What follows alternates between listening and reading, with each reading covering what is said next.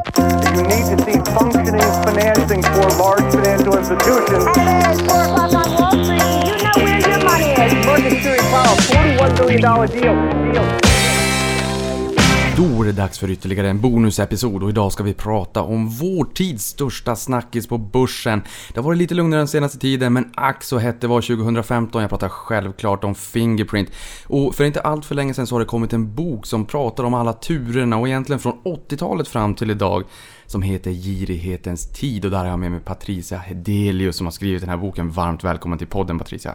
Tack så jättemycket. Kul att ha dig här.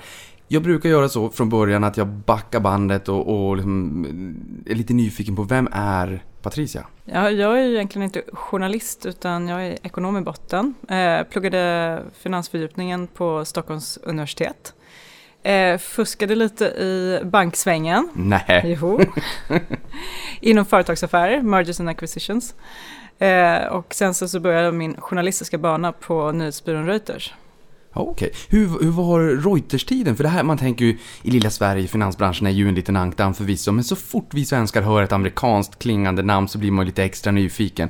Hur, hur var tiden i finansbranschen och hur var tiden på Reuters? Ja, men finansbranschen den, den var ju ganska het. Det här var ju precis i samband med liksom dotcom-bubblans uppbyggnad. Mm. Så det var ju jättehett och det var ju högt tryck på, alltså, även på, på Swedbank så att ta den här typen av bolag till börsen. Eh, det blev eh, de unga analytikerna som täckte techbolagen, de vart ju håsade som stjärnor, kunde ganska snabbt köpa sig en Ferrari om de bytte jobb. Eh, det var väldigt uppskruvat ja, vi har ju verkligen förstått det. Men ITH-sen, den, den eh, toppade ju 7 mars 2000 började det gå ner i 947 dagar. Det var nog en ganska jobbig period, men samtidigt så var ju börsen har gått upp 71% dessförinnan, det vet ni som lyssnar på det här. Eh, framåtblickande P talet 27. Nu har vi fått ytterligare lite kunskap till vår kunskapsbas, att det gick att tjäna väldigt mycket pengar också. Men du sa ju ma aktiviteten Förutom att man tog väldigt mycket eh, bolag till börsen, var det också mycket sammanslagningar och förvärv eller uppköp från, från utländska bolag på börsen innan det kulminerade? Nej, inte riktigt. Utan det, det var väl snarare så att eh, det var IT-konsulterna som var heta då. Så att våra stora IT-konsulter man kanske kommer ihåg Icon Media Lab, Framfab. Eh, men det var ju de som köpte mindre IT-konsulter egentligen ute i Europa men också i Sverige och varje gång de köpte något så gick kursen upp 20% till. Idag har vi FANG-bolagen istället med de stora kassorna som köper upp de lovande bolagen. Nåväl, det är Fingerprint vi ska prata om och de, de var ju verksamma långt innan eh, IT-håsen och när den kulminerade för det här började redan på 80-talet. Eh, som, som jag sa där i inledningen, Fingerprint är ju verkligen vår tids stora börssnackisar med en aktiekurs som steg 267 gånger pengarna now. Från 2012. Så eh, det är ju ingen som riktigt har missat den här resan får man väl säga. Till toppen 7 december 2015. Men kan du kortfattat för en oinvigde, kan du bara liksom sammanfatta den här boken? Inte så pass att man inte behöver läsa den, men, men vad var det som hände? Ja, vi kan väl börja med att säga det här är ju egentligen inte en ekonomibok i den genre som man kanske väntar sig. Och jag hoppas att du säger något, eh, ett par ord om det lite senare. Utan min ambition var ju faktiskt att skriva om människorna bakom det här bolaget. För att det har ju varit en otrolig mängd märkliga händelser och även fantastiska händelser som gör att man blev väldigt intresserad att gräva vidare och det krävdes ju nästan en bok, det insåg man ju, det här skulle inte rymmas på, på ett uppslag i en tidning. Eh, och så tanken var väl att eh, komma nära människorna och eh, försöka höra deras version av vad, hur deras resa har varit helt enkelt och, och, varför en del beslut fattades vid, vid vissa tidpunkter som för en utomstående ser konstigt ut eller skapade helt mycket kritik och kalabalik och, och, och så. Eh, ansatsen var ju förstås att börja från början. Eh, jag vet inte om du var född då, jag var fem år 1980. Nej, då var jag inte född. Nej, exakt. eh, och eh, jag har haft möjligheten att intervjua en mängd nyckelpersoner, liksom både från den tiden och, och framåt. Och det, det, är ju bra att du säger också börja från början, för det här började ju på 80-talet. Det får man lära sig i din bok att det började med ett litet eh, eh, betalkort, ett kreditkort då, som eh, en, en person fick tillbaka på en, en restaurang i Cannes på 80-talet. Och det var ett litet fettigt fingeravtryck där och där någonstans föddes idén till det som sen blev den här enorma kursrusningen från 2012 och så kulmen då 2015. Och, och det, är ju, det var viktigt det du sa också, det här är ju inte någon form av förskönande kring Fingerprint som bolag och framgångssagan där utan snarare personerna och spelet och girigheten, makten, alla turerna bakom. Ehm, jag måste ändå bara fråga, du var också med där i IT-euforin. Går det att koppla an Fingerprint idag modern tid med någon form av turer då? Ja, jag tycker ju ändå att historien upprepar sig i det här bolaget. Men det tog sig till börsen i slutet på 90-talet och kursen var ju rusade även i Fingerprint, för det, det var ju förhoppningsbolagens tid. Så att du kunde ju lätt dubbla eller tredubbla dina pengar där och om du hade sålt i tid så, så hade du gått iväg med en, med en ganska rejäl förmögenhet. Men, men liksom övriga bolag så gick ju luften ur även Fingerprints aktiekurs där med början på år 2000 och sen så, så sakta ner mot, eh, mot nollan helt enkelt. Det var många nya missioner och många turer så att säga fram till 2010 innan man kan tycka den moderna historien börjar då med eh, när man får en ny vd i form av Johan Karlström. Och du jobbar ju på en, en tidning också och har gjort det tidigare också med Reuters som förstår, en nyhetsbyrå. Hur länge har du följt Fingerprint innan dess egentligen att du bestämde dig för att någon måste skriva en bok och den någon får i sådana fall vara jag då? Nej, men jag har jobbat hos väldigt många arbetsgivare som sysslar med ekonomisk journalistik och nu senast så arbetar jag på Svenska Dagbladet då sedan eh, 2011. Eh, och tidigare innan det då så var jag börskrönikör på Dagens Nyheter. Jag måste säga att eh, jag tycker en av förutsättningarna för att fördjupa sig i ett bolag och komma, komma människor nära, det är egentligen att man inte har någon historia av någon djup granskning sen tidigare. För då har man ju oftast så att säga med sin journalistik en förutfattad mening om det man ska fördjupa sig ytterligare i. Så jag kan ju säga att eh, min erfarenhet var väl att jag hade skrivit en, en analys. Den var kort, den var inte särskilt djuplodande och den var väldigt aggressiv mot Johan Karlström och eh, mot hela företeelsen i Fingerprint. Och jag tror att det här var då 2000, nu ska vi se, ja, 13 eller 14. Och eh, jag fick nog tömma min mailbox i tre månader efter de 2500 tecknen.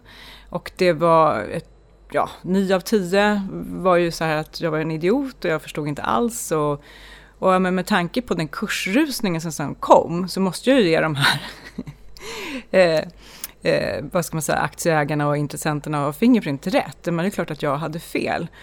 Men man måste ju ändå se till att de värderingsverktyg som man använder sig av, alltså multipel värdering eller kassaflöde och så, så gör man någon form av sammanvägning och så tittar man på framtidsutsikter. Det hade ju utlovats fantastiska framgångar i det här bolaget sedan slutet på 90-talet. Så att eh, frågan om när det skulle komma var ju fortfarande så att säga, osvarad när jag skrev den analysen. Ja men det får man väl säga just att eh, om du hade rätt eller fel, det, det, är ju svårt egentligen att säga för det är klart att man säljer ju också en framtidsdröm och börsen är ju framåtblickande. Sen kommer vi komma in på det också att eh, det, fundamenta kom ju faktiskt.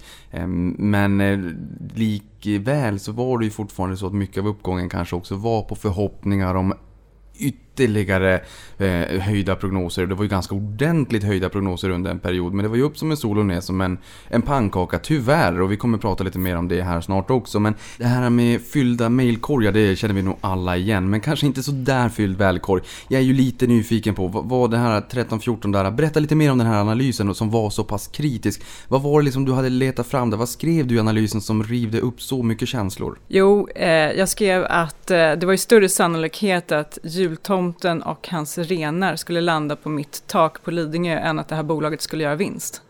Aj. Ja, jag förstår att det kan ha rivit upp lite, lite onda, eh, ont blod och lite arga känslor Patricia, det måste jag faktiskt hålla med om. Jag förstår dem. Likväl så betyder det inte att man får vara elak och, och, och skicka och fylla din korg för det, men, men jag förstår att det rev upp lite känslor i alla fall.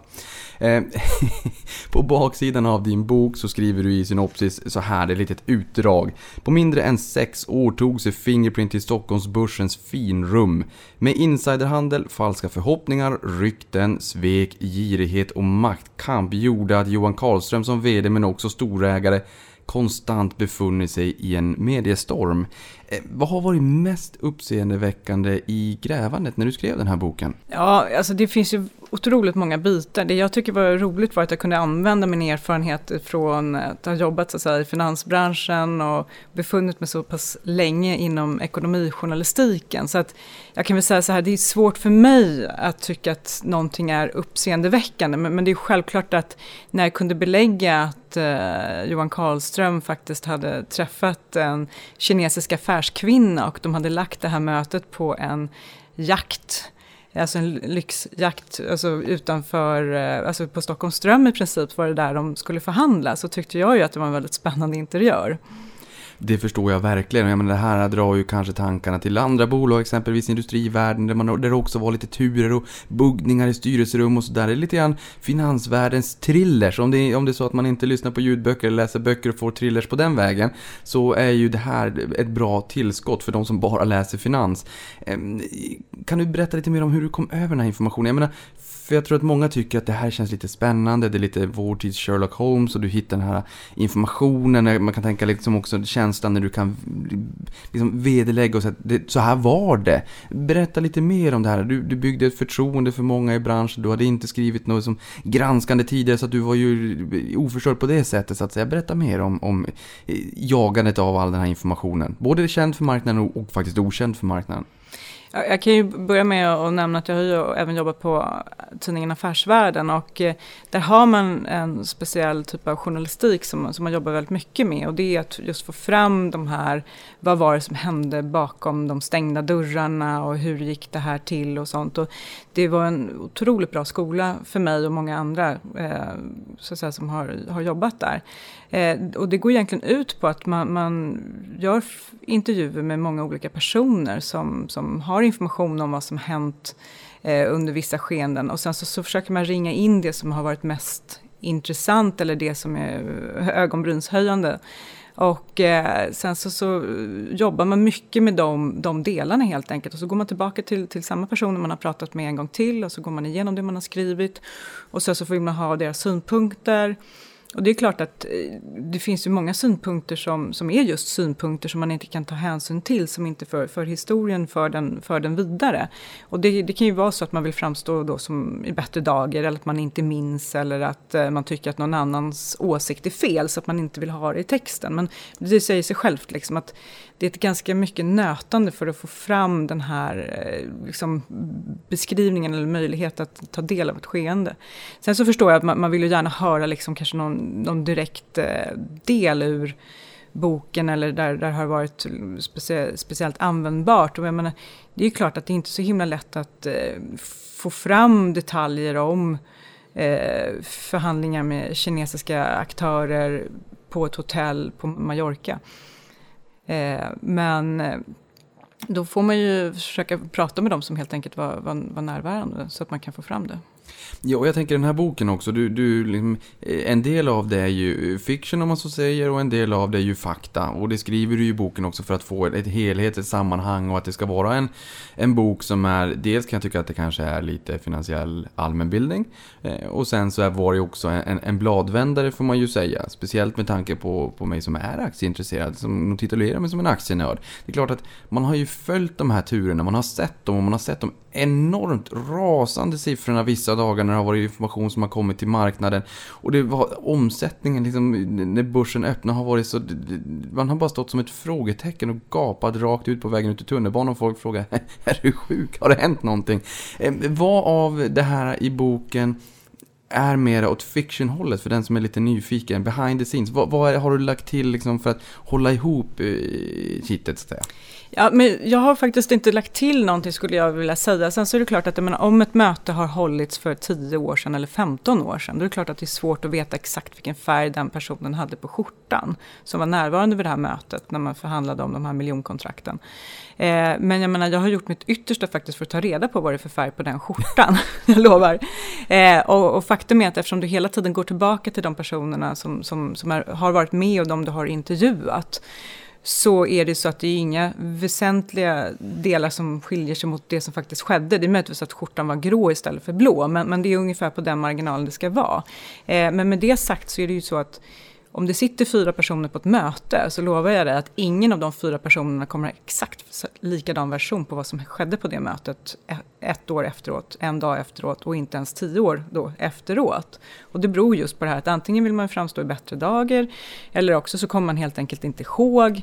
Så det, det är sådana saker man får väga in. Ja men så är det ju. Även jag menar, har det skett en, någonting brottsligt så att säga och polisen kommer så separerar man ju alla vittnen och alla vittnen kommer ju ha egna eh, minnen av vad som hände. Det är kanske lite chockartat och sådär och man får inte prata för då kommer man, jo men det var en röd tröja och så, här, så Ja men och så är det ju. Ett årtionde senare, det kan vara ganska svårt att komma ihåg. När jag läste den här boken, då, då fick jag en känsla för att ehm, jag var inte helt säker på när Johan har målats ut i, i media som den här brottslingen och alla turerna och allting. Ibland så fick man ju känslan för eh, att personen, personen var Eh, snälla och välvilliga och välmenande och att det över tid blev någonting annat. Jag tänker exempelvis på den här lyxjakten, eller jotten också, Eh, när hon frågade om hans dotter, hur hans dotter mådde. Och man känner att det är någon form av implicit hot. Liksom där, det, det var ganska stora svängningar, det är inte bara i Fingerprint-kursen det var svängningar utan även i själva thriller som du har skrivit. Eh, förändras deras eh, skyldighet... förändras personerna under boken på något sätt och hur insmetade och hur illvilliga de är? Jo men det tror jag. Det är också beroende på, på, på de olika situationerna naturligtvis. Eh, jag, jag tror också att man får börja med att, eh, jag menar, i min bransch så jobbar vi mycket med svart och vitt. Alltså annars så kan vi inte locka in läsaren till att, att faktiskt köpa våra produkter. Så att det är ju det är rubrik, det är ingress och det är en ganska hård vinkel för att få, få med sig och höras idag. Men, men jag kan ju inte förutsätta så att, säga, att alla människor är svarta och vita och så är det ju inte. Så jag tror att det är lite den här paletten som du ser, eller nyanserna av personligheterna som, som man tillåts kunna presentera i en bokform. För jag menar, ska man läsa allting som har skrivits om Johan Karlström till exempel i media så, så är väl han då den värsta personen Svenskt Näringsliv har haft någonsin. Men, men det är också en väldigt förenklad bild. Ja, för jag tänker sådär också att eh, du har ju, du har ju grävt för att ta fram den här informationen i boken som vi nu har förstått. Eh, och du har även följt medierapporteringen under lång tid och, och, har väl liksom i bagaget vetskapen om vad som har skrivits under hela den här perioden. Även om det kanske nog är väldigt mycket. Vad, vad i den här boken, förutom de här lyxyachten, är det som inte riktigt har framkommit i media som är nytt för, för boken och för läsarna av den här boken? Eftersom jag ändå har den här kunskapen om företagsaffärer och hur de går till och, och eh, hur, hur, man skaffar kapital till företag och hur tankarna går så att säga när man ska skapa värden bakom de stängda dörrarna. Så, så blev jag mest överraskad, det var ju de här långtgående diskussionerna med KKR, alltså det amerikanska börsnoterade riskkapitalbolaget som är världskänt för att inte resa utanför eh, Paula Alto i Kalifornien om det inte är väldigt stora pengar på bordet. Och att de faktiskt var i Göteborg för att lyssna på en presentation om Fingerprint som bolagsledningen gjorde. Det tyckte jag var fantastiskt intressant. Men, men, tror du också att det var för att man sålde en framtid? Eller var det, är ju svårt att veta såklart, men att de fick nys om bolaget på något sätt och läsa om att biometri kommer vara det nya heta. Eller att bolaget snarare målade upp en, en fasad och, och en dröm om, om en fantastisk framtid? Nej, men jag, jag, tror att eh, det man ibland missar med, med Fingerprint, för att det finns så mycket intressant på ytan eller eh, utanför, det är att det finns många duktiga, plikttrogna ingenjörer som jobbar med fingerprintsbiometriprodukter som tror på dem och tror att det går att ta dem vidare till, till nästa steg hela tiden. Och eh, på det sättet så är ju det här en svensk eh, stor framgång, Fingerprint och deras biometrilösningar. Det är ju fantastiskt att man har kommit så pass långt som man har gjort och man har ju fortfarande stora möjligheter i framtiden också. Och jag tror att det var det i kombination med att man också använde sig av en amerikansk rådgivare då inom företagsaffärer som kopplade ihop KKR och eh, så att säga, Fingerprint och Johan Karlström. Det var det som eh, öppnade upp dörrarna och det här var ju faktiskt att hade man gjort den här investeringen när det var tänkt så hade det säkert kunnat bli en bra affär också för KKR. Ja, för det märker man i den här boken också. Det, är väldigt mycket, det handlar väldigt mycket om timing. Eh, och, ja, det, det kommer den som läser förstå. Det. Piper Jeffrey, den amerikanska investmentbanken, eller som du sa, rådgivaren här då, eh, öppnade helt enkelt upp dörrarna för att det här skulle kunna bli möjlighet, men det hände någonting däremellan helt enkelt. Just det. Just det. Men under 2015 då, då händer det ganska mycket. Även om eh, börskursen reser ordentligt från 2012, men 2015 tar det ordentlig fart. Det var någonting vi även såg här på Avanza. Därför att den, ja, jag ska väl säga som typ den aktien som stod för en väldigt stor andel av kortaget var ju Fingerprint. Det var Fingerprint-hysteri. Eh, och det kanske inte är så konstigt heller för att den steg 1564% och försäljningen, fundamenten här då, den steg 1100% från 66 miljoner till 1,6 miljarder. Sen dess är vi ner 91% och det, det, här är ju dramatiska rörelser, det går inte att säga någonting om det här. Mitt hjärta klarar inte av det här. Um, det är nästan så att mitt EKG skulle se värre ut än kursgrafen. Kan du berätta för den som inte riktigt har koll, vad, vad hände under den här perioden? En del av det var ju liksom försäljningsökningar och en del var ju att man kanske målade upp eh, ännu större, högre prognoser. Men vad hände under perioden 2015? Ja, om man backar lite så är det ju så att det man alltid har överskattat i Fingerprint är ju så att säga när det stora genombrottet ska komma. Och eh, det hade man ju även gjort eh, innan. Jag tror att man trodde själv, eller man förutspådde att det stora genombrottet egentligen skulle komma i början på 2014 där. Men 2015 så är det ju det är då som eh, de här design winsen, om det är någon som kommer ihåg de pressreleaserna som matades ut ifrån eh, Fingerprint under flera år efter 2010 där, så var det då de gick vidare till att bli riktiga order. Så att eh, jag tror det börjar komma in där i mars och sen så även april och maj och juni så matas det på. Så helt plötsligt så har man ju sprängfyllda orderböcker och man ska faktiskt sälja sin produkt för flera miljarder 2015. Och det är klart att de som har varit trogna Fingerprint kan ju kanske räkna lite snabbare också på vad det här innebär. Alltså de ser hur många mobiltelefoner som säljs och vad det här faktiskt också innebär lite i kronor och ören så att de köper på sig mer helt enkelt. Ja, och någonting som jag inte vet det är ju hur eh, riskspridningen ser ut i, de, i många av de här spararnas portföljer som ägde Fingerprint och många kom ju in på slutet.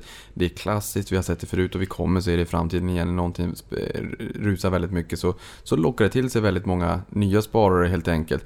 Ehm, vi såg under IT-euforin, antingen hade man aktier i Ericsson eller Telia eller en kombination av dem. Telia kom in 13 juni, det var lite jobbigt för att vi sa att börsen vände 7 mars. men, men likväl, det hade varit intressant att se hur många människor som bara hade haft Fingerprint. Eh, I och med att den är ner väldigt mycket och det är väldigt många människor som har förlorat väldigt mycket pengar på den här aktien helt enkelt. Någonting annat som jag tycker är intressant, det är du som är i mediesvängen. Hur eh, kan du försöka guida oss igenom, använd lite dramaturgi också. Hur kan du guida oss igenom när det här falska pressmeddelandet gick ut? Som slog ner som en bomb. Ja, det hade man ju önskat att eh, man hade fått upp ännu mer information om. Men när pressreleasen går på förmiddagen om att eh, Samsung då ska köpa upp Fingerprint så blir ju folk väldigt nervösa på nyhetsbyråerna, till exempel nyhetsbyrån Direkt. Därför det ser ju ut som ett autentiskt pressmeddelande men samtidigt så finns det vissa saker i pressmeddelandet som gör att till och med då en av de högre cheferna på nyhetsbyrån Direkt börjar använda sina kontakter för att komma åt och kunna ringa då till, eh, till företagsledningen för att få en bekräftelse på att det här stämmer. Eh, och ingen får tag på någon från, från Fingerprint eller från företagsledningen i Fingerprint och då har de flesta ändå Johan Karlströms mobiltelefonnummer. Så till slut så blir det så att de ringer upp eh, Lars Söderfjell då som eh, då också är aktieägare men en annan välkänd profil för att han är aktieanalytiker då på, eh, på flera stora bolag. Men han blir uppringd av Nyhetsbyrån direkt. Och även han har ingen information om det här så det blir en väldigt spännande situation. Och till slut så lyckas de ju då komma igenom för då har man någon form av strategimöte med ledningen och hela styrelsen i Göteborg. Så att det, det börjar med att det tar tid innan eh, man når bolagsledningen och de kan ju inte bekräfta det här för det stämmer ju inte. Samtidigt när de då ska gå in och lägga ut en eh, dementi på sin egen hemsida så märker de att det är någon som är inne på hemsidan. Ja, ni förstår ju att mystiken tätnar ju. Jag sa alldeles nyss att det här är en finanstriller, ni förstår ju varför jag sa det. Eh, och det är mycket av det här intressanta, man får följa med i boken. Eh, 2016 då, året efter, förutom att man kommer ihåg den 4 januari jag kom upp och precis när jag vaknade och inser att det har varit en kalldusch tokfall i Kina.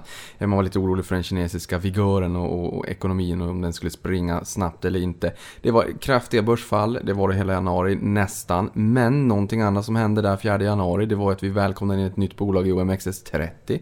Ni vet att de 30 mest omsatta aktierna på Stockholmsbörsen utgör ungefär 60% av värdet på hela Stockholmsbörsen. Ehm, och där i kom ju Fingerprint då, in i finrummet. Hur påverkade det här Fingerprint nu är man ändå inne i OMXS30. Mm. Men man var ju alltid lite understaffade då för att använda svengelska. Så man hade inte riktigt eh, den här organisationen som, som krävdes för att eh, klara av den enorma press som det innebär. För att är du med i OMX30 så förväntar sig stora fonder och institutioner liksom att du ska kunna ha en bra Investor Relations person som servar dem med information. Du ska även ha en professionell styrelse på, på plats och inte med det sagt men, men ofta så vill de ha lite tyngre namn kanske än vad som, som satt där då. Eh, även så vill man ju då ha en, en ett bolagsägare, alltså man vill ju äga aktier. Kanske inte är så roligt om det är någon då som är också åtalad för grovt insiderbrott, vilket det var vid den här tidpunkten. Ja, men Johan Karlström var ju inte eh, vd längre för han hade ju tagit eh, och slutat i och med eh, de här anklagelserna. Men samtidigt så det var en jobbig situation för att man blev ratad av institutionerna och fortfarande så hade man den här konflikten så att säga med ekonomimedia.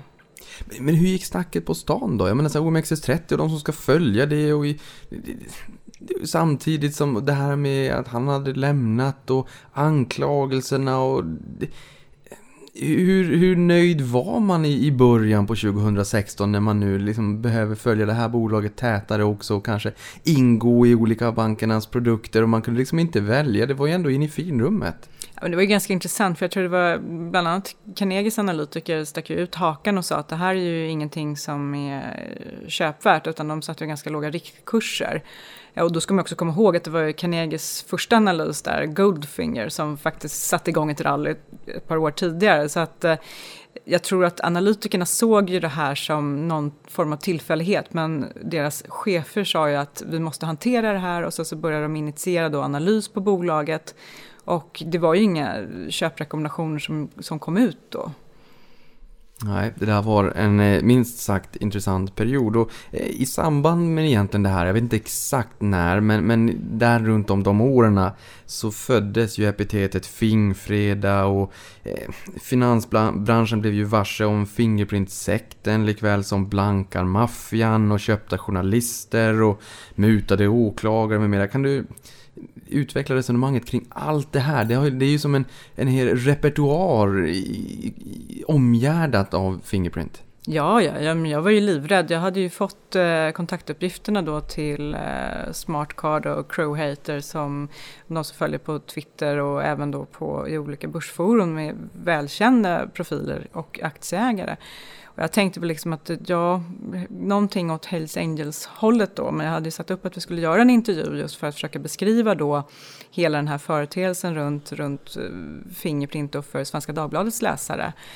Så vi var med på bolagsstämman där på, på våren och det var ju oerhört intressant för att det var, det var lite som att vara på ett väckelsemöte. Det var ju ett högt tryck, det var unga, det var gamla, det var liksom en folkfest. Och då kan man ju säga att jag är ganska van på att gå på bolagsstämmor men, men Investors är ju mer som, ja men du vet, pensionärsråd. Mm. Ungefär som Svenska Dagbladets pappersläsare i viss del kanske ibland. Ja, men, men det här väckelsemötet då, gjorde ni en intervju med de här framstående Twitterprofilerna? Det gjorde vi. Och sen Tell så, me more. jo, men eh, det var ju, jag upplevde dem som, som väldigt ödmjuka och det kan jag förstå att den bilden inte stämmer överens med deras ibland hårda tonläge på eh, olika börsforum och, och, även på Twitter. För att jag tycker att det här med social media, det märker jag även som, som skribent, att det, det föder en polarisering och det är väldigt lätt att säga saker när man inte behöver liksom, möta någon ansikte mot ansikte. Men, men det, var, det var en intressant resa även för mig som skribent att, att lyssna på de här personerna som faktiskt har jobbat hårt och sparat sitt överskott eller sånt i, i, aktier och då hittat Fingerprint och tyckt att det har varit en intressant aktie och följt bolaget så länge. För båda de här två personerna kom in i slutet på 90-talet och det var väl det som förvånade mig mycket. Det var ju inte den här det var ingen som kom in när det började släppa utan det är några som har varit med på, på en lång resa och kunde hela historien runt eh, börslivet för Fingerprint. Eh, sen så med, med det sagt så skedde det ju en del andra saker där också på, på, på den bolagsstämman eller i samband med det. Ja, det har man sagt, ja då får man säga det. Jo, men det var ju precis då som eh, Jörgen Lant och dåvarande vdn bakvägen hade fått den här informationen om att han var på väg att bli avsatt. Hmm, ja, spännande. Och det här med, med Tony som Crow, Crow då heter, eh, och det, man får ju följa honom. Du har ju en, en, uppställning i boken också för de här personerna som har varit framträdande under hela den här resan. Men precis som du säger kan jag också tycka att det är ganska intressant att personerna har varit med, i det här fallet var det från 98 då, eh, att det är under väldigt lång tid. För det kan man ibland känna på Twitter att det är väldigt många anonyma konton som har kommit in när börsen har blivit het. Även om det här med att börsen är het, hmm, vi toppade 27 april 2015, vi är inte ens tillbaka än, men börsen har fortfarande varit ändå någorlunda het speciellt finanstwitter har varit ännu hetare. Men det här är ju ändå människor som har följt med det här länge. Jag har träffat en annan representant för ett en storägare i ett annat bolag som också sa att ja men eh, Tony eller Crow heter, eh, kom in på mitt kontor och, och, och satt och pratade i flera timmar. Alltså det är ett helt annat bolag. Och han var ju otroligt påläst. Eh, och det, det bekräftar du ju både här och i boken också. Att det här är ju inte någon som bara försöker enbart håsa ett finansiellt instrument som vi har sett i, i många andra sammanhang. Utan här har man ju ändå varit påläst och faktiskt trott på bolaget och sen har det skavt lite grann. Mm. Men då ska man ju också vara medveten om att eh, jag som även följer börsen och, skriver mycket ekonomi och även andra experter, att det är ganska lätt att, att ha fel. Och det blir man ju väldigt snabbt påmind om att man har och har haft. Eh, och vem som hade fel först eller rätt först i Fingerprint, alltså den här historien rullar ju på så att det är väl inte avgjort än, men jag kan ju konstatera att den som aldrig har haft fel i Fingerprint, då blir jag väldigt ödmjuk eh, inför en sån person. För att här är ett bolag som jag tror de flesta har mest fel om. Mm. Ja, det finns ju det klassiska eh, citatet också, att börsen kan hålla sig irrationell längre än vad du kan hålla dig solvent. Mm. Eh, så att just vem som har rätt och fel, ja, på vilken horisont bedömer man det? Det är precis som du säger, det är en ganska svår fråga. Crowhater och de finanstwittrarna här som ändå är pålästa, kan bolaget bra, betydligt mycket bättre än vad jag tror att många då kanske trodde från början. Eh, de turerna som har varit, jag har läst den domen. Eh, när började det där? Alltså var det ändå fair play som man får känslan av i boken från första början? Och att det sen blev mer och mer insyltat? Ja, vi får, ju, vi får ju kanske försöka sortera upp det här lite. För dels så har vi ju då de före detta styrelseledamöterna som är två stycken. Och där har man ju fått en dom då i hovrätten i somras. Eh, sen så har vi Johan Karlström och den rättegången har ju skjutits upp flera gånger. Och eh, sedan så har vi då den här rättegången då mot eh, Crowhater som var i, i fjol då och där också har kommit en dom i tingsrätten och där han valde att inte överklaga. Så det är ju det är många olika situationer, det är många olika händelser. Så det är lite olika så säga, för, för, var och, för var och en. Jag tror ju en del av de här alltså, misstanken och sen även åtalen om, ola, alltså om insiderhandel där tror jag helt enkelt att man har farit väldigt snabbt fram. Man har inte reflekterat över vad ens aktiehandel kan få för konsekvenser.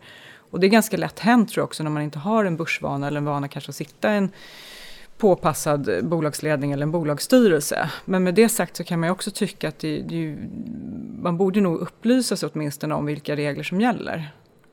Det kan man ju tycka. Det är ju ett, eh, en lägsta nivå. Man får full fart framåt om det är så att man håller tätt bakåt har jag lärt mig. Ehm, det här också med småspararna som sprang till den här aktien. Alla såg att den rusade jättemycket. Det blir ju en eufori. Det här är inte sista gången. Det kommer komma många fler sådana case i framtiden. Ehm, som mest så var det 68 000 småsparare, var det ungefär 40 000 hos Avanza. Så det var väldigt många här. Jag vill bara i en kontext säga att idag i slutet på november så har vi 83 000 ägare i H&M. Vi har 72 000 ägare i Investor B, 54 000 i Kinnevik och eh, 42 000 i Volvo B.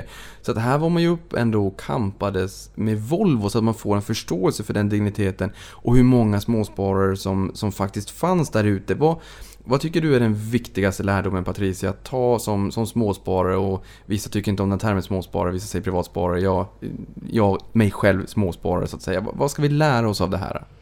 Jo men det är ju det där med timing, den är ju alltid så otroligt svår. När är det rätt att kliva av? För att man får ju alltid för sig om någonting har gått upp 100% så tycker man att det kan gå upp 100% till. Och faktiskt ta och sätta sig ner och fundera på, är det dags att sälja? Ska jag i alla fall kanske göra en riskspridning? Eh, och har man nått de framgångarna med en placering så, så vet ju jag också att det, det, är svårt att sansa sig och, faktiskt sälja av något som har varit så framgångsrikt. Och på det sättet så har man väl också ett par, par surdegar i portföljen som också är otroligt svåra att, att göra sig av med för man tyckte det fanns ju ett skäl till att du köpte dem. Eh, och sen så, så blir du upprepade gånger mer och mer besviken så att säga. Men, men ändå så har du lite svårt att kasta ut dem där. Så det är ju det är mycket psykologi och jag tror att eh, det bästa att komma undan det där det är väl ändå att försöka ha någon form av riskspridning och eh, faktiskt fundera på vad, vad det är man vill, vill nå med sitt sparande. Och jag har också hört flera, jag har faktiskt haft kontakt med, med flera banker som har, har påpekat att de har haft kunder som har varit, den enda aktie de har ägt var Fingerprint. Och de försökte få de här kunderna att just sälja men det var ju helt omöjligt. Ja, och, och, helt omöjligt. Det är just det intressant för att det har varit en så stark sammanhållning och också mycket ryggdunkeri och att man eh, ibland kan det också vara bra kanske om man har tillgång till det att läsa en säljanalys eller liksom lyssna in lite grann vad andra sidan tycker. Eh, för i det här fallet så vart det ju inte bra med det här ryggdunkeriet. Man står ju ganska själv den, den dagen det faktiskt vänder. Det, det, det som var lite obehagligt är just när det, när det vänder, jag tror säkert att det var dit att var på väg och det är att man ser ju också att informationstillgången är ju inte jämnt fördelad trots att vi är en globaliserad värld och nyheter färdas eh, snabbt med ett knapptryck över Twitter så borde du kunna få reda på vad som händer i Kina. Och där tyckte jag var mycket intressant att det fanns de som la mycket stora resurser på att faktiskt undersöka hur det gick med den kinesiska mobiltelefonmarknaden som var helt avgörande för Fingerprints-försäljning och Fingerprints prognoser. Och också att den marknadsundersökningen sattes ihop till gedigna rapporter som faktiskt sa att det här har stoppat upp. Försäljningen bromsar in, eh, mobiltelefoner samlas på hög och samtidigt då så hade man byggt upp då stora lager hos Fingerprint då, ute hos eh, tillverkarna.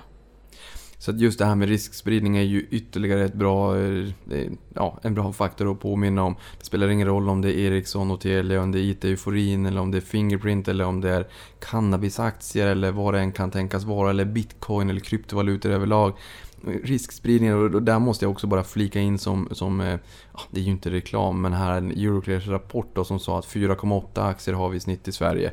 Eh, men 48% nöjer sig med en aktie. Det är inte en fullgod riskspridning. Det här är ett skolboksexempel på det. Säga vad man vill, tycka vad man vill om Fingerprint, men bortsett från Fingerprint, ingen aktie är så pass bra att den förtjänar en exklusivitet i portföljen, är min uppfattning. Ehm, så att det är många som har bränt sig tyvärr. Och du, du pratar ju också om analytiker här, att vissa analytiker slutade bevaka aktien och, och, på vissa ställen så drog man faktiskt då även upp eh, säkerheten för analytiker. Fingerprint-sektorn blev allt argare. Jag har sett det här på första parkett. Det var svårt att missa det på finanstwitter. Ehm, det har varit grova anklagelser. Ehm, hur allvarligt var det här? Ja, men det, jag tror att det var en föraning det, det som komma skulle. För att, eh, jag menar, det var ju inte alls egentligen Donald Trump som började twittra ofiltrerat. Han var ju inte först, man tror ju gärna det. Jag tror att faktiskt att Johan Karlström var betydligt tidigare, med två år ungefär. Och därmed så slår han även Elon Musks Twitter härifrån i år. Eh, och jag tror att det var en otrolig chock för de flesta att eh, ta del av de här ofiltrerade åsikterna. Ehm, det är klart att det är en rättighet att, att uttryckas men ofta så är det att om man uttrycker sig på ett visst sätt så får man ju sånt tillbaka också. Så att en del tror jag av den här starka polariseringen mellan Johan Karlström på, på ett sätt och eh, medieanalytiker och andra på ett annat sätt. Det är ju faktiskt själv, självskapat. Men under den här tiden då när det byggdes upp den här starka eh, kulturen, den starka aktieägarkulturen eller sekten då inom citationstecken som det kallades. Eh, hur, eh, hur påverkades du och dina kollegor av det? Ja, men jag hade många kollegor som, eh, som skrev mer om, om Fingerprint och granskade flera olika händelser i bolaget. Och jag menar, även vår tidning var ju tvungen att dra upp säkerheten, liksom jag vet att man även gjorde på till exempel Nordea då. Eh, att det är klart att det är, det är ju det är obehagligt och det är ju tråkigt för att då måste man fokusera en hel del av energin på det istället på att försöka kanske skriva bra artiklar och göra, göra bra granskningar. Och jag tror ändå att någon måste ju så att säga granska bolag och makten och på det sättet faktiskt försöka eh, ta fram information, för det är ju ingen annan som gör det. Och på något sätt så, så är det ju så att makt korrumperar och, och det blir ju fel i slutändan. Och om inte journalisterna finns där och gör det jobbet, vem ska göra det då? Nästa gång kan det ju vara någon Fingerprint-aktieägare som är drabbad fast på något annat sätt genom ja, ja, skola, kommun, barnomsorg. Man vet inte på ett negativt sätt av att inte granska. Så att jag tror nog att man, man måste nog försöka hålla en bättre ton. Mm. Eh, någonting annat som jag tycker var intressant i boken också det är att det eh, framkommer en del anklagelser om läckor på EBM, alltså Ekobrottsmyndigheten, likväl som Finansinspektionen, som är den myndighet som ska utöva tillsyn över finansbranschen och i finansbranschen där eh, vår viktigaste råvara är ju någonstans förtroende. Mm. Och här får man uppfattningen om att det var läckor på Finansinspektionen. Man fick nästan uppfattningen, jag vill inte nästan säga ordet, men man får en känsla av att det var till viss del korrumperat publicerat. Ehm, och att även eh, SE-banken eh, läckte uppgifter. Hur allvarligt är det här? Jag tänker på, för nu har vi pratat mycket om, om sekten, om Twitterprofiler, vi har pratat om bolaget och, och ja, inte ledningen kanske, men de tillhör ju bolaget. Andra aktörer där ute då? Är det så illa att vi har myndigheter som, som vi litar på och har ett förtroende för, som agerar grundplåt för vårt rättsväsende och rättssäkerhet, som har fulat sig också? Eh, jag menar, I min roll som, som journalist och har jobbat med ekonomiska institutioner och myndigheter under så lång tid så, så är det väl klart att det är ingen som kan hävda att de är fläckfria eller felfria utan jag tror man måste varje dag gå till jobbet och göra lite bättre ifrån sig. Eh, och det var ju klart intressant att försöka gräva sig ner i de här anklagelserna om att det skulle finnas läckor ifrån Ekobrottsmyndigheten. Och, och eh, det var ju faktiskt en dubbelt rolig överraskning när man både kunde faktiskt eh, se att det låg någonting i åklagarens uttalande likväl som det faktiskt gjorde i Johan Karlströms åklagande. Det är bara det att, eh, ja, vi ska ju inte spoila det, men, men det avsnittet tyckte jag var jätteintressant att få fram. Det här är en cliffhanger.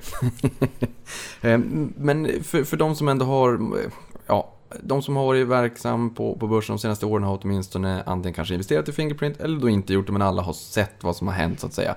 Men, men ändå liksom om man någonstans får, får trycka ihop det här och komprimera det, paketera det. paketera gillar vi inte i finansbranschen, då börjar vi tänka på Lehman Brothers och finanskrisen och subprime och sådär. Men, men nåväl, ehm, fingrar i syltburken. Vilka skulle du sammanfattat säga har ett ansvar i det här? Av allt som hänt. För, för, man tänker ju ofta på, på Johan Karlström och bolaget sådär, men, men vilka, om vi ändå får pinpointa, du behöver inte pinpointa personer om du inte vill, men, men vilka har ändå ansvar för allt som har hänt?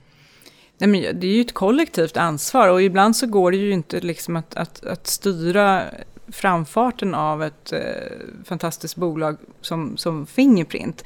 Även om det då fanns en kontroversiell vd och storägare och om det fanns misstankar om att eh, aktiehandeln inte har gått rätt till. Och det här har ju varit eh, prat om aktiehandeln nästan sedan bolaget noterades. Så egentligen var inte det ens något nytt när Johan Karlström kom in utan det har ju funnits märkliga kursrörelser genom alla år hävdar ju de som har följt bolaget och, och det måste man ändå ge, ge dem rätt. Så jag tror att det är svårt att peka ut ansvaret så, utan om vi säger att vi ska göra bättre varje dag så tror jag att det är viktigt att man lyssnar på visselblåsare och tar dem på fullt allvar hos myndigheter, hos banker, alltså när folk uppriktigt ärligt vill försöka rapportera in det som de anser vara var missförhållanden. Samtidigt så är det väl viktigt att eh, sådana som ser sig som visselblåsare också inte slår dövörat till när de själva får kritik för sitt beteende eller sitt uppträdande utan kanske funderar på om finns det någonting som jag kan göra bättre. Men å andra sidan, det här är ju bara förhoppningar. Men jag har ju varit i finansbranschen i 20 år. Jag kan inte säga att det har blivit bättre. Det kanske har blivit lite mer förfinat lite mera förfinat. Eh, jag tycker ändå något som är intressant i den här boken också, för som sagt, finansiell allmänbildning, det är ju just eh, företrädarna i eh, Twitter-communityn som ändå man får ju liksom ge dem ändå att de har gjort ett digert arbete om vi backar bak liksom till 98 och framåt. När Lennart satt som VD och när de tillsammans gick ihop i konsortium och blockade, eller konsortium är kanske fel att använda i kontexten, men blockade ett utköp från börsen och alltså det här är ju ändå sofistikerat. De har ju liksom ändå lagt mycket tid och energi och manken till. Herregud om man hade gjort samma arbete i en diversifierad portfölj. Då hade man behövt 300% eh, ökning av timmarna på dygnet.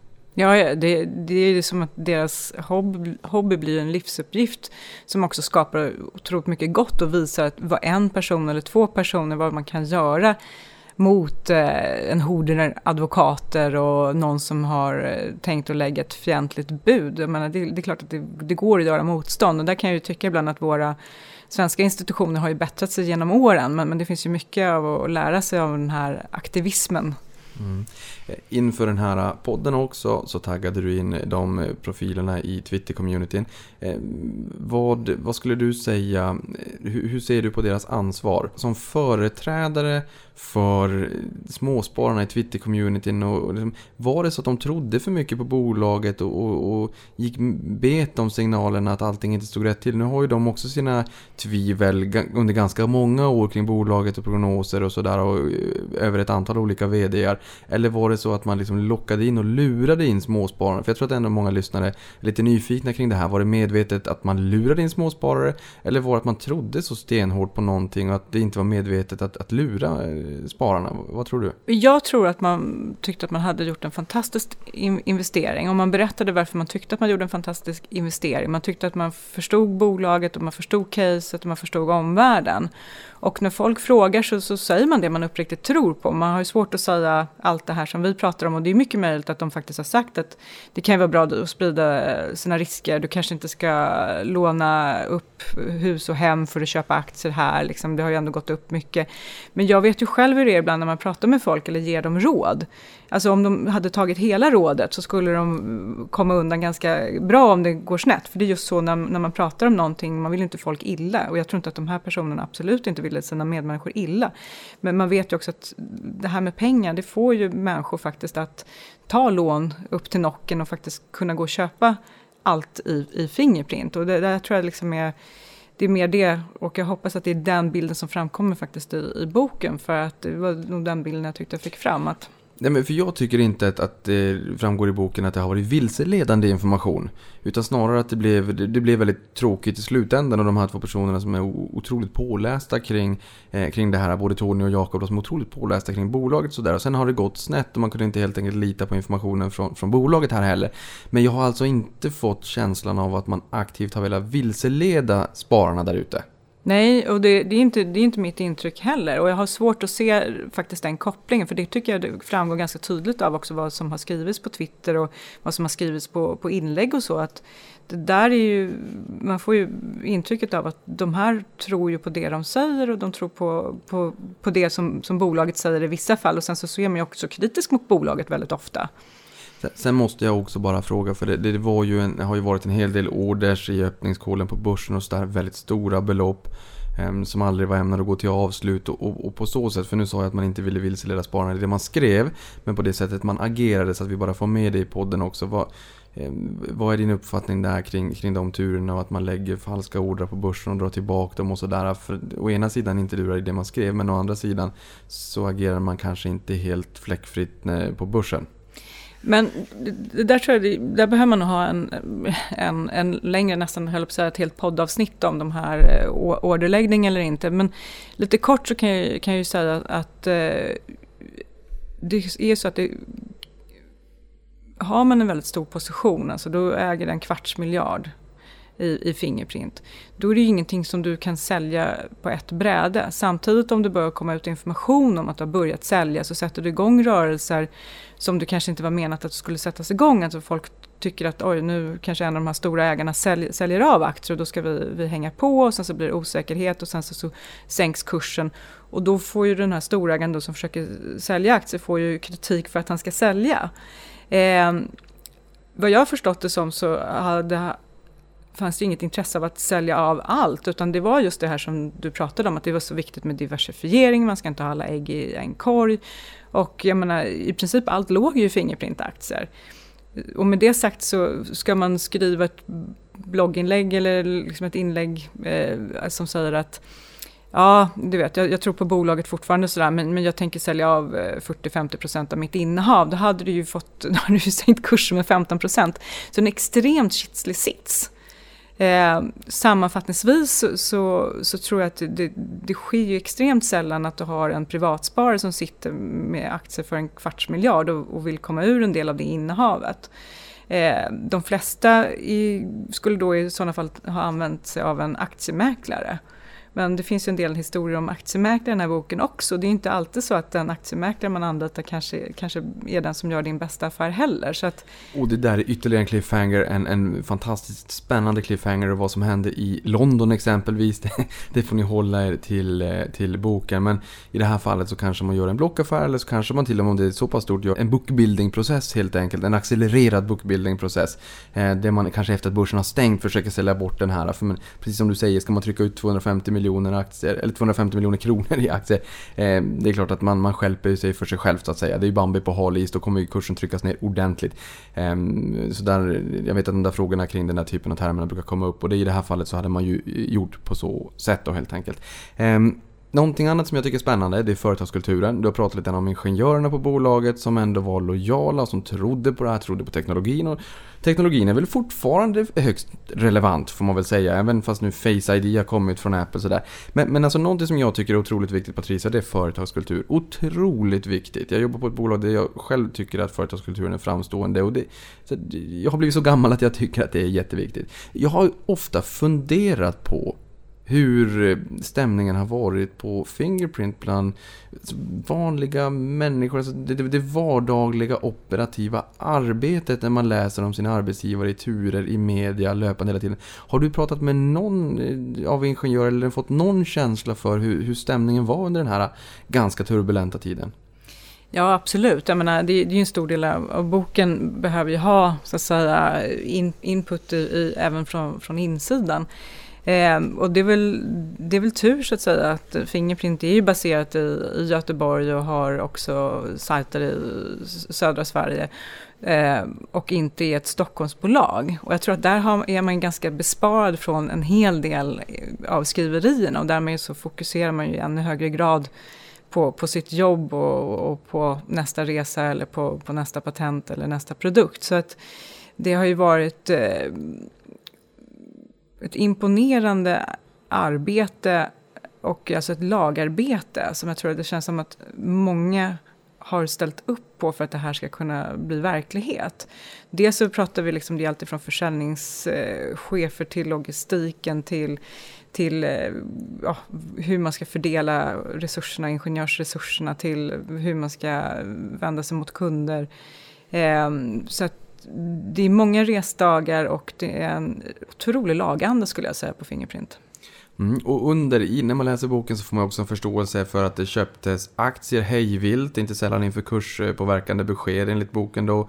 Eh, och inte sällan köptes även turbovaranter, alltså derivat då, eh, med Fingerprint som underliggande. Eh, Bloomberg sa 2015 att det var aktien att äga 2015. Vi pausar där. V vad tänkte du då när du såg det? Nej, man ska väl lägga till där att det är ju egentligen åklagarens syn på det när han har väckt åtalet att det köptes aktier innan stora affärer och eh, såldes in, innan eh, då, dåliga nyheter. Eh, ja, alltså det var ju mycket, mycket handel med aktierelaterade instrument i Fingerprint och aktier. Eh, som, som självklart man ska vara försiktig med. Och det finns ju flera bolag, jag tror vi har sett mm, ganska mycket typer av insideraffärer, misstankar om insideraffärer nu de senaste två åren. Och det Definitivt. Och det hänger ihop med liksom att vi har en, en, haft en stark börs och, och, även om den då toppade 2015 så, så skapar det ett intresse och det, det, skapar också den här lite hypen tror jag hos företagsledningar och sånt att man, man kanske handlar på datorn men man inte är helt säker. Ja, men, men du är ändå, du, du är ju ung fast du är ju fortfarande en inventarie i branschen.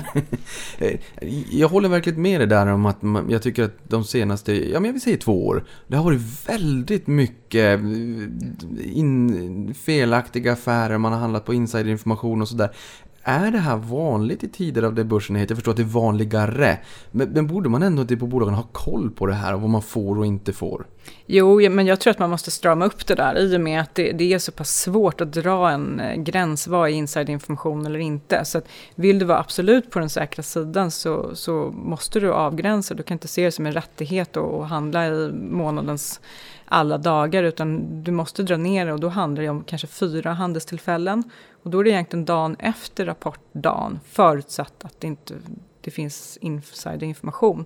Så egentligen så bör du hålla dig egentligen till fyra tillfällen om du vill vara helt på säker sida. Och även då måste du fundera på vilken information du har. Ja, eh, för någonting jag tänker där också det är att ledningen, Johan och ledningen tillsammans så hade de optioner för ett värde på 1,6 miljarder. Ehm, och då funderar man ju lite grann också på vem är det i slutändan här som har tjänat pengar på hela den här karusellen? Ja, eh, blankarna. Det är blankarna, Just nu i alla fall. den blanka maffian som de kallas. Ja, men, men så kan man se det. Där, där är ju intressant för att du pratade om, om den här orderläggningarna i öppningskolen och, och de, de, det det är ju inte liksom en småsparare som ligger bakom dem utan det där krävs ju mycket, mycket större finansiella muskler som du bara hittar hos eh, amerikanska investmentbanker. Och jag kan tycka att det är lite sorgsamt att man faktiskt inte har tagit tag i det här från Ekobrottsmyndigheten för jag tror inte man har, har kunskapen helt enkelt. Det där tycker jag är intressant, inte har kunskapen helt enkelt. För att utvecklingen har ju gått oerhört fort. Det märkte vi även i, i Nordea och CV-anfallet och att man hittade liksom den kopplingen med att det var ett skolfoto ute på Lidingö då. Eh, och, och att det var massor av pengar i en barnstol i en bil och sådär. Men, men där, som jag har förstått det, det är ju såklart andrahands eller tredjehandsinformation. Men att man hade en väldigt sofistikerad powerpoint-presentation och egentligen rundade och snuvade åklagarna så att de hängde inte alls med i, i det här moderna hur det egentligen funkar och går till. Är det så att vi, vi har liksom ett, vi pratar ofta om en teknikskuld på många bolag. Ehm, är det så att man har en, en eh, ja, teknikskuld är väl fel ord att använda, men har, har ut, utvecklingen och verkligheten sprungit så snabbt att lagen och kunskapen där inte har hängt med? Ja, ja, absolut. Men det ser man, det är därför som lagstiftning egentligen måste vara en levande materia och den skärps ju och den skrivs ju om pågående. Det gäller ju inte bara den ekonomiska brottsligheten men, men jag tror att det är väldigt tydligt. Jag tror också att det är någonting som pågår just nu. Till exempel så har vi den stora muträttegången i tingsrätten när det gäller Telia.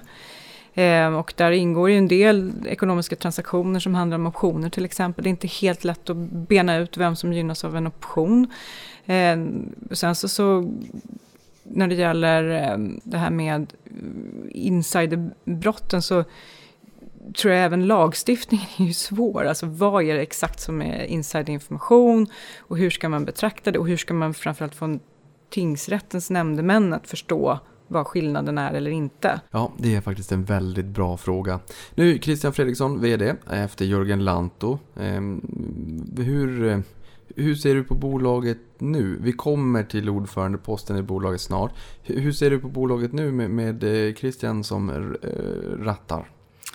Ja, men det har ju varit en eh, intressant och måste ha varit en fruktansvärd resa för honom med tanke på att han tog över efter Jörgen Lantto som många ansåg petades eh, liksom, lite i förtid.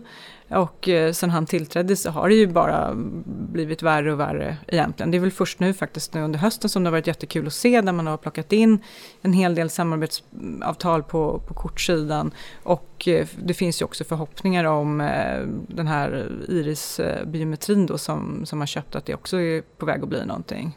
Mm. Ehm, och då går vi väl vidare till ägarbilden här då. Och där har vi ju Johan Karlström då som är bolagets ordförande. Ehm, var ju VD, fick ju lämna VD-posten, fick ju sitta i, i ledningen, nu ordförandeposten. Ehm, är största ägare följt av Avanza Nordnet och det är ju våra kunder via, som företrädare då för kundernas kapitalförsäkring, alltså småspararna. Därefter så är det ganska tunt. Ehm, Johan har 6,4% av kapitalet och 20,1% av rösterna. Hur ehm, baserat på allt det här, din historik, du har följt bolaget länge, du har skrivit en bok om det här. Eh, vad, vad tycker du om, om det här och att han sitter som ordförande i det här bolaget nu? Jag tror bara det är en konsekvens av att det inte fanns några andra alternativ.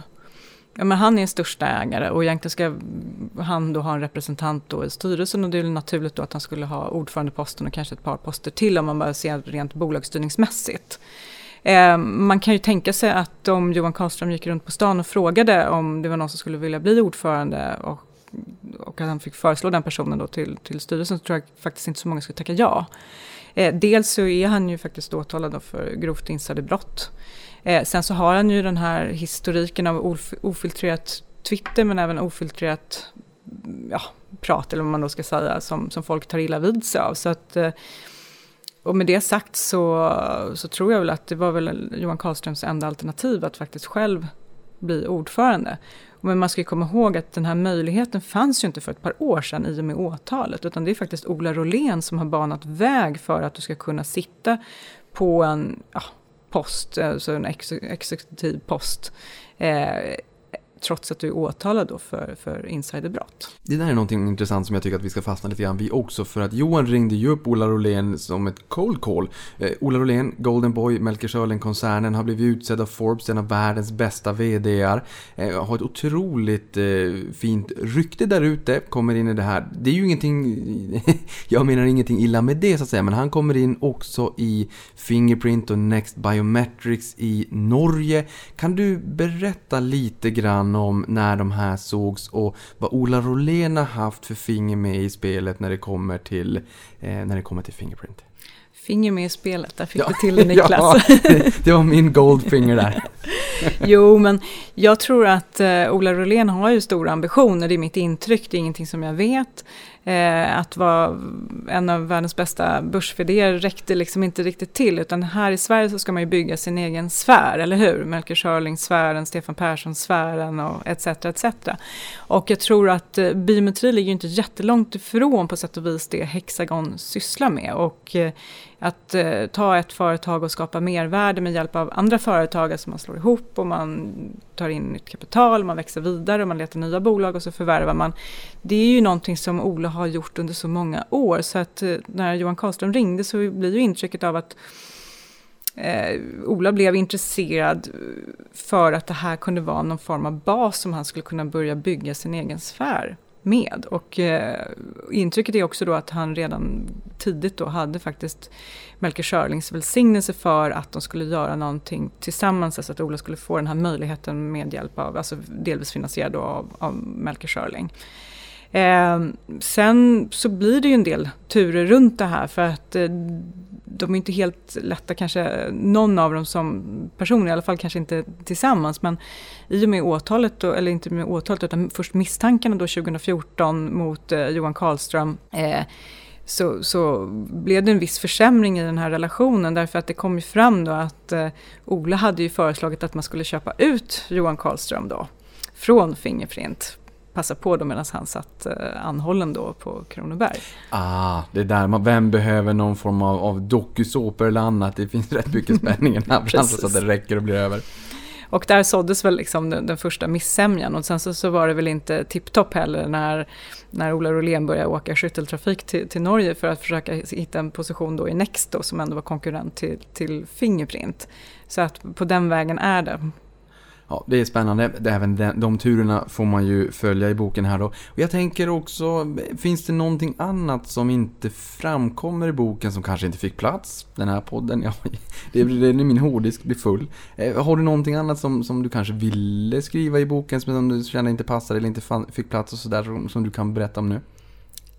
Ja, det, det, det, finns väl, eh, det finns väl vissa, vissa delar som, som var lite återvändsgränder och då kommer folk tycka, jo men det betydde ditten eller datten. Men bland annat så var det ju en extra bolagsstämma som kallades tillbaka och eh, det var ju väl för att eh, styrelsen och styrelsens ordförande kanske inte riktigt hade sonderat terrängen om de här ersättningsprogrammet till, eh, till vdn ordentligt bland institutionerna. Det fanns ju även faktiskt institutioner som hade gått in där. Jag tror det var bland annat AMF som hade satt sig på tvären och då var man ju tvungen att ställa in bolagsstämman eller gå upp och så få det här förslaget då mot, mot, alltså nedröstat. Eh, så det är, väl, det är väl lite de där delarna och det är inte någon stor konspiration varför de inte är med utan det är ju helt enkelt bara inte funnits plats och det, var liksom, det ledde inte riktigt till någon, någon slutsats heller eller drev historien framåt. Finns det något intressant stoff att bara nämna nu här kring eh, den här institutionen som ändå lånade ut sina aktier till väldigt hög ränta för, för att driva på det här blanka drevet som, blankar, eh, som, som sekten blev så gudförbannad på och ville veta vem tusan är det som lånar ut aktier till blanka maffian? Ja, då pratar vi då om storbanken SEB. Eh, ja, alltså det finns ju olika sätt att göra affärer helt uppen, uppenbart. Och jag menar vem, vem det är som exakt hade rätt på, på, på kommatecknet där, huruvida man skulle flagga upp eller, eller inte, låter jag vara osagt. Däremot så tycker jag att, att eh, i de tiderna vi pratar mycket om visselblåsare, men vi har ju den här visselblåsaren på Danske Bank till exempel och vi har ju, har ju flera som, som, eh, som faktiskt säger att det finns problem i sin egen organisation. Att jag tycker nästan att de, den här personen som plockade fram den här informationen och försökte tipsa Finansinspektionen, jag tycker idag så skulle ju han ha kommit undan som en visselblåsare och jag tror även Finansinspektionen har ju skärpt till sina visselblåsarregler så han hade ju definitivt hamnat under den och då hade han varit skyddad och hade han ju aldrig förlorat jobbet på ett så otroligt hemskt sätt som han gjorde. Finns det någonting annat som vi inte har pratat om i den här podden som du känner att du vill skicka med mina lyssnare? Eh, jag tycker att jag har fått en jättefin respons. Jag hoppas att alla som tar sig tid att läsa boken också vill återkoppla till mig vad ni, vad ni tyckte. Eh, och komma inte med 2500 mejl? Mm, ja, bara, bara de inte är så elaka som de var tidigare. Eh, nej men det finns ju, det finns ju sociala medier, det, det, finns ju allting och eh, jag måste säga att jag är glatt överraskad och jag känns som att jag delvis har lyckats eh, få den här rafflande historien faktiskt i läsbart skick. Men det vet väl du mer om Niklas, du har ju faktiskt tagit igenom den. Ja men det tycker jag. Och, och jag tänkte säga, jo, men jag måste, jag hade läst boken alldeles oavsett, men jag kanske inte hade gjort det precis just nu, för det har varit jobbdag som natt. En period, ett litet hemligt projekt också. Men jag gjorde det ändå, när jag började läsa den här så insåg jag att det var ju en sån här, eh, jag är ju ingen bokmal i vanliga fall, jag lyssnar ju mycket på poddar. Men det var en bladvändare, eller vad kallar man det för? Det, det, var en finanstriller och det, det, var spännande och det är ju finansiell allmänbildning. Eh, och med det sagt så vill jag också bara en sista avslutande fråga som jag faktiskt har fått in via Twitter. Eh, fråga dig Patricia, finns det något annat bokprojekt i görningen? Ja, alltså jag har ju samlat på mig en del eh, faktiskt eh, e-, egna erfarenheter under åren som, som journalist och eh, jag känner till en hel del intressanta case. Tyvärr så känns de inte riktigt skrivbara i dokumentärform eller reportageform så att eh, jag har väl ett projekt att eh, skriva någonting fiction baserat på det som jag möter i mitt eh, dagliga jobb ja, med de orden så fick vi ytterligare en cliffhanger. Det här avsnittet avslutas helt enkelt med en cliffhanger. Patricia, stort tack för att du kom till podden. Det var fantastiskt trevligt. Jättekul att ha dig här. Tusen tack för att jag fick komma Niklas.